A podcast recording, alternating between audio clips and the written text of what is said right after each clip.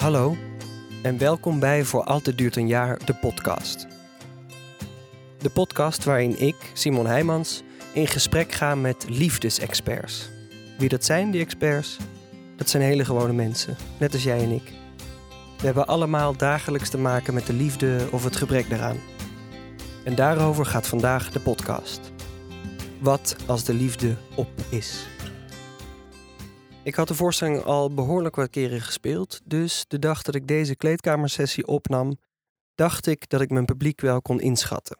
Ik stelde een vraag aan het publiek en ik zag twee mensen zitten. Ze leunden tegen elkaar aan, ze lachten samen. Als ik iets zei, dan checkten ze er bij elkaar. Dus ik zei: Oh, jullie horen bij elkaar. Mm, zeiden ze. Wij hoorden bij elkaar. Wij zijn nu een half jaar geleden uit elkaar gegaan. Dat leverde een interessant gesprek op. En dus vroeg ik na de voorstelling de vrouw die het meest aan het woord was tijdens de voorstelling om mee naar de kleedkamer te gaan. Dat bleek Bianca te zijn. En ik vroeg haar hoe haar relatie met Han eindigde. Uh, nou, eigenlijk uh, een beetje moeizaam. We gingen verhuizen naar een huis wat ik eigenlijk niet wilde. En dat uh, zijpelt dan heel langzaam van achter naar voor. En op een gegeven moment was het gewoon klaar. Ik dacht van, nou, dit, dit wil ik eigenlijk helemaal niet. En uh, ik pas me dan eigenlijk te veel aan. Ondanks dat ik stevig ben. En, en dan doe ik dat toch. En dan raak ik mezelf kwijt. En wat raakte je kwijt van jezelf? Ja, mijn eigen zijn gewoon. Uh, de dingen die ik normaal gesproken zou doen, beslissen. Dat laat ik dan allemaal te veel. Uh, en zo ben ik eigenlijk helemaal niet. Want ik ben altijd heel erg zelfstandig geweest. Ik ben aan één kant doof. En uh, dat maakt je heel erg uh, alleen. En sterk ook. Nou ja, en dan op een gegeven moment merk ik van, dit, dit, dit ben ik helemaal niet meer. En hoe lang had de relatie geduurd? Vier jaar. Oh ja. En want ik kan me voorstellen, je zei al dat zijpelde zo langzaam binnen dat je dat niet wilde en dat dat niet goed voelde. Wat is dan het moment dat je toch echt de beslissing neemt tot hier? Hoe ver kwam het? Dat, dat weet ik niet. Dat is niet echt een, een moment of zo. Het, zijn echt, het is echt een opeenstapeling van dingetjes. En dan in één keer weet je gewoon. En je voelt het al wel. Maar je denkt, ja, er is zoveel gebeurd. En er hangt zoveel aan vast. En dan moet ik weer verhuizen. En dan wordt het financieel weer anders. Weet je, dat zijn toch allemaal van die praktische dingetjes. En dan uh, op een gegeven moment denk ik van ja, dat maakt ook eigenlijk allemaal niet meer uit. Dus hij heeft het gevoel toch echt gewonnen tegen de, de praktische bezwaren. Maar je was wel vanavond in de zaal met je ex-vriend. Hoe zit dat? Gaan jullie nog vaker samen dingen doen? Ja, we doen nog wel regelmatig samen dingen. En uh, er zat nog iemand bij uh, uit het dorp, zeg maar. En ja, dat is gewoon gezellig, toch? Maar ik, het lijkt mij heel moeilijk om elkaar dan alweer zo snel, want het is pas een half jaar uit, om elkaar te zien. Er zit er niet heel veel verdriet dan in de weg. Ja, bij mij niet, maar bij hem wel iets meer.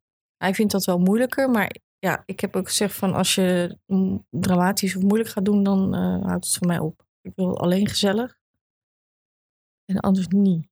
Vind je het belangrijk om vrienden te blijven? Ja, best wel. Ja, ja, ik vind dat wel belangrijk. Maar als het, uh, als het niet kan of uh, als het uh, te veel de dingen in de weg zitten, ja, dan houdt het gewoon op. En dat was niet je eerste relatie, denk ik. Ben je altijd vrienden gebleven met, met exen? Nee, nee, zeker niet. Maar ik vind het wel altijd heel erg raar als je zoveel hebt gedeeld met elkaar en dat je dan weer uit elkaar gaat en dat je dan niks meer deelt. Dat vind ik altijd een heel raar gevoel. En uh, ja, ik, ik ben ook wel een beetje zo als wat je in de uh, voorstelling hebt beschreven van uh, bam, gelijk erin. Ja. ja. Jij, jij vliegt meteen er een, een, een, verliefdheid in. Ja, ik knal er gelijk in. Oh, zullen we gaan samenwonen? Ja, tuurlijk. Maar dat, dat werkt helemaal niet. Tenminste, bij mij werkt het niet. Maar blijf het wel proberen. Nou en als je het zegt, je, je gezicht gaat wel open. Je vindt het wel leuk zo te zien. Ja, ik hou wel heel erg van spontane dingen. Maar um, ik ben er nu wel achter dat dat bij mij niet werkt. tussen dat samenwonen in ieder geval niet. Dus dat ga ik ook nooit meer doen. Is klaar. Maar bindingsangst heb je dan bijvoorbeeld geen last van? Nee. Nee, geen last van.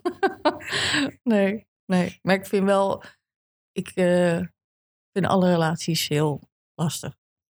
Vriendinnen, met mijn ouders, met mijn zus. Vind ik allemaal heel lastig. Met mijn kind. Want Je moet allemaal dingen uitspreken en goed houden met elkaar. Dus dat, dat liefde is een werkwoord, hoorden we vanavond ook weer langskomen. Dat werkwoord, dat, dat zit jou niet helemaal lekker. Ehm, nou, dat weet ik eigenlijk niet of ik dat niet lekker vind zitten. Maar ik vind vooral dat, dat er zo vaak teleurstellingen in zijn. En dan wordt er gezegd van ja, maar je moet ook niet te veel verwachten. En dan denk ik, ja, waarom niet? Want ik geef zoveel. En dat vind ik moeilijk. En je krijgt niet altijd hetzelfde terug. Nee. Nee. Maar ik dacht laatst wel van, nou, misschien moet ik gewoon eens tevreden zijn met wat ik krijg. En daarmee aan de slag. In plaats van altijd maar denken, ja, maar ik wil meer. Ben je een gulzig mens in het leven? Ja. Ja. nou ja, het is wel een beetje lastig. Af en toe. En nu dan? Want je bent nu weer een half jaar alleen. Denk je al wel eens, ik zou wel weer eens met iemand willen? Of hoeft dat niet? Nee, hoeft nu niet. Ik, eh, ik vind het heerlijk alleen. Wat kun je alleen dan wat je, wat je in, de, in die relatie niet kon? Nou, ik ga lekker s'avonds, dan ga ik naar bed. En dan gaan mijn hondjes, die liggen bij me in bed. En dan ga ik nog even lezen. En dan is het licht aan wat ik wil, weet je wel. Er is niemand die dat irriteert. Ehm, nou, ga ik slapen wanneer ik wil. Ik sta op wanneer ik wil. Ik hoef helemaal niks. Ja, dat, het klinkt allemaal heel erg niet sociaal. En dat ben ik eigenlijk helemaal niet, want ik ben wel heel sociaal. Maar to- toch wil ik dat zo. En voel ik me daar wel heel prettig bij. En nou ben ik bijna 50 en nou kom ik daarachter. Nou, dat is lekker vlot zeg. Dat.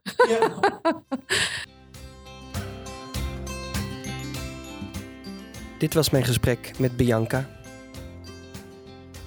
En ik had mijn opnamespullen alweer opgeborgen. Ik kletste nog wat na met Bianca. Maar ik had het gevoel dat we niet echt tot de kern gekomen waren.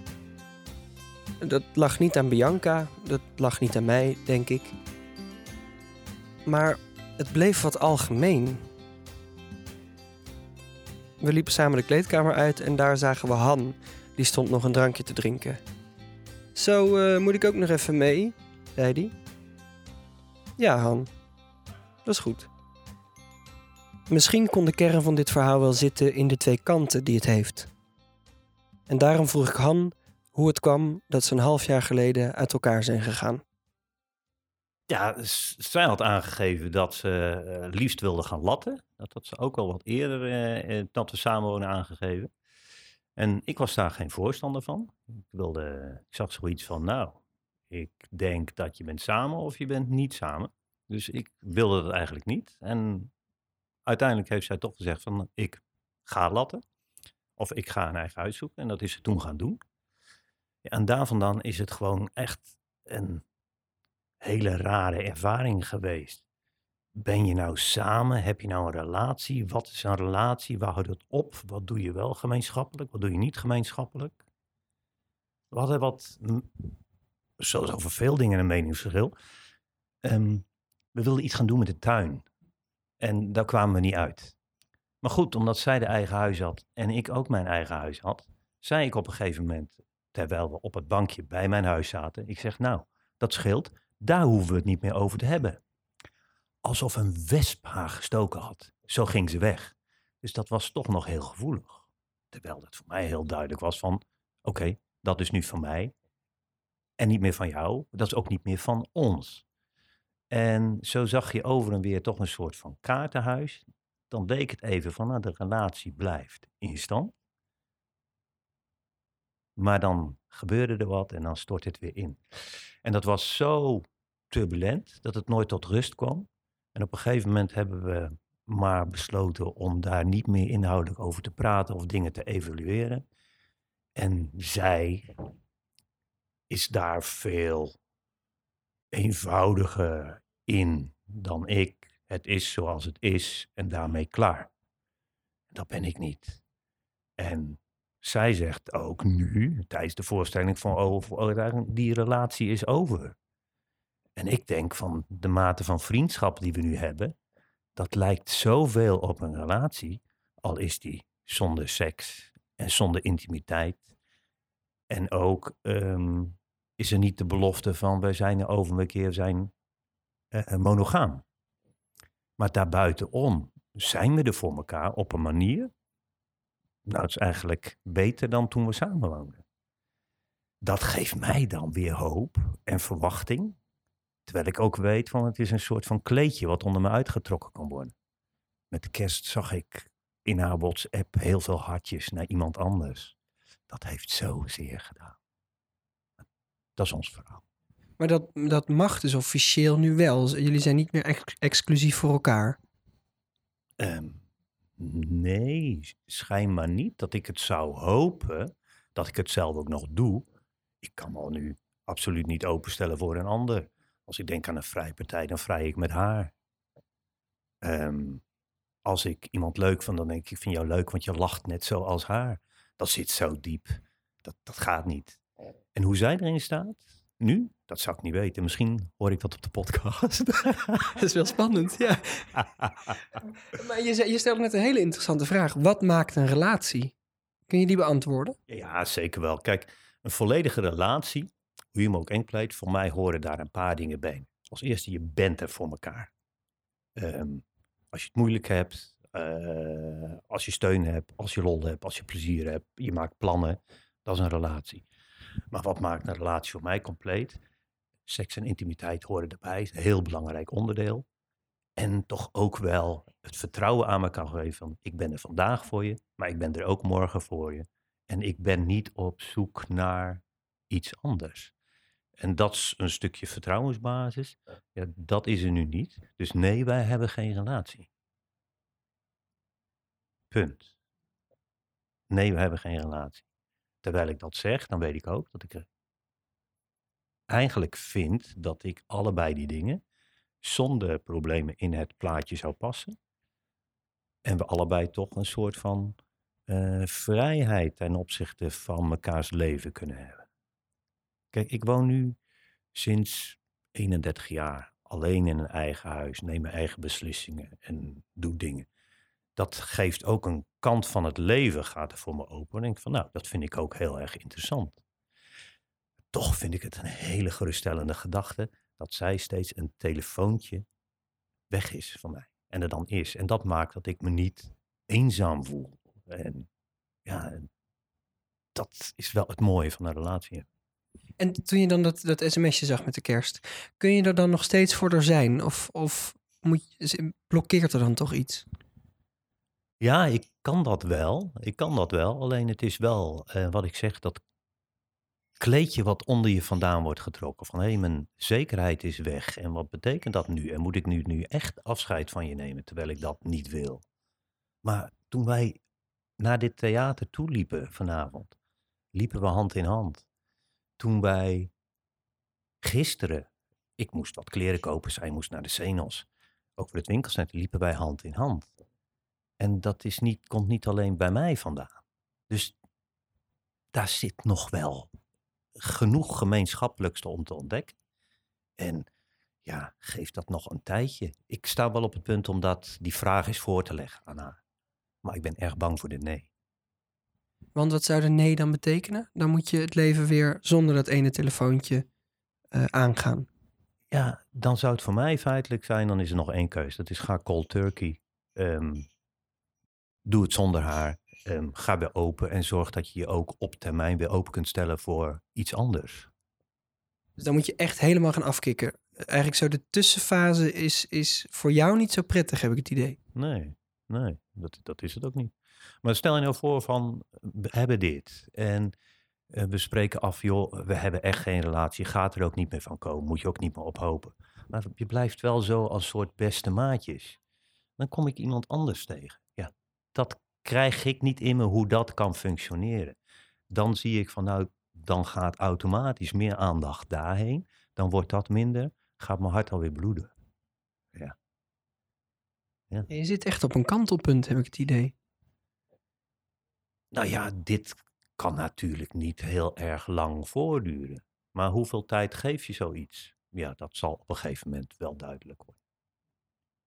En, en ben je dan bezig ook met eh, dingen als jezelf beschermen of je, jezelf bewaken? Of vertrouw je Bianca wel genoeg dat het altijd aardig naar elkaar zal blijven? Ja, maar misschien is aardig zijn wel uh, het allerergste wat ik me voor kan stellen. Als zij zich aan een ander zou committeren. Dan zou ik dat misschien wel helemaal niet kunnen verdragen. Net zo goed als dat ik haar het hardste heb gemist, terwijl ik vlak naast haar zat. Dat, dat is mooi gezegd. Wanneer was dat? Uh, dat is gebeurd in het afgelopen half jaar natuurlijk. Dat ik naast haar zat, dat ik, we samen uh, op de bank zaten, een filmpje te kijken. En ik haar wel knuffelde, maar zij niet terugknuffelde.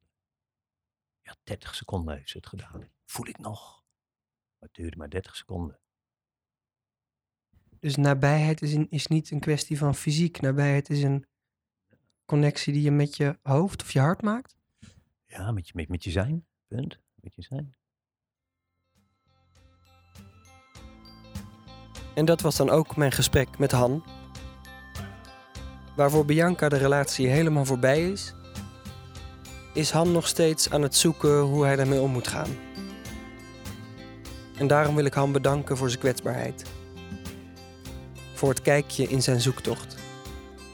Het was misschien wel makkelijker geweest om ook maar gauw te zeggen dat het al lang vergeten was. En ik vind het ook belangrijk om Bianca's eerlijkheid nog even te waarderen. Het was misschien wel makkelijker geweest om ook maar gauw te zeggen dat ze heus nog heel verdrietig was. Er wordt gezegd dat een relatie de wens is van twee mensen om van hun twee verhalen één verhaal te maken. Dat samen te beleven. Misschien is de kern van Han en Bianca wel dat ze sinds een half jaar weer allebei hun eigen verhaal hebben. En daarmee komen we aan het einde van de tiende aflevering van Voor Altijd Duurt een Jaar, de podcast. Voor Altijd Duurt een Jaar, de voorstelling, die is in 2019 weer te zien in de theaters, maar ook komende 16 september 2018 op buitenpodium De Oerkap in Haarlem. Kijk voor kaartjes op www.oerkap.nl. Ik hoop je dan te zien. Dag.